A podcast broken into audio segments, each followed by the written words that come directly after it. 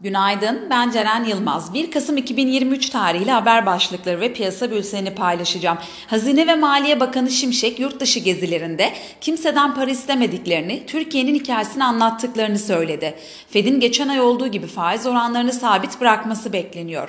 Milyarder yatırımcı Draken Miller 2 yıllık ABD tahvillerinde devasa pozisyon açarken JP Morgan Asset Management ABD büyüme hisselerinde fırsat görüyor.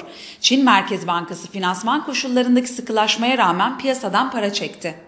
Piyasalara genel olarak bakacak olursak pay piyasalarında artan jeopolitik riskler ve mevduat faizlerindeki yükselişin devam edeceği beklentisi Borsa İstanbul'u baskılamayı sürdürüyor. Jeopolitik risklerde bir yumuşama olması durumunda olumlu gelen 3. çeyrek bilançoların etkisiyle tepki alımlarının kuvvetlenmesi beklenir.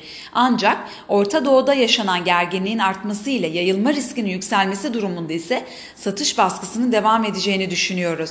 Global piyasalarda ise Fed'in bugün Türkiye saatiyle 21'de açıklayacağı faiz kararı bekleniyor. Ayrıca Türkiye saatiyle 21.30'da başlayacak Başkan Powell'ın konuşmasında verilere bağlı olarak faiz arttırım ihtimalinin masada olduğuna yönelik sözlü yönlendirmenin korunması bekleniyor. Bu sabah ABD vadelileri ve Alman DAX vadeli satıcılı Asya endekslerinin genelinde ise pozitif bir seyir hakim. Teknik analiz verilerine bakacak olursak gün içinde 7330 ve altına gerileme alım fırsatı, 7650 ve üzerine tepki yükselişi ise satış fırsatı olarak takip edilebilir. Viop tarafında ise gün içi long pozisyonlar için 8240, short pozisyonlar için ise 8420 zarar kes seviyesi olarak izlenebilir. Borsa İstanbul'un ve endeks kontratının günü pozitif eğilimle başlamasını bekliyoruz. Kazançlı günler dileriz.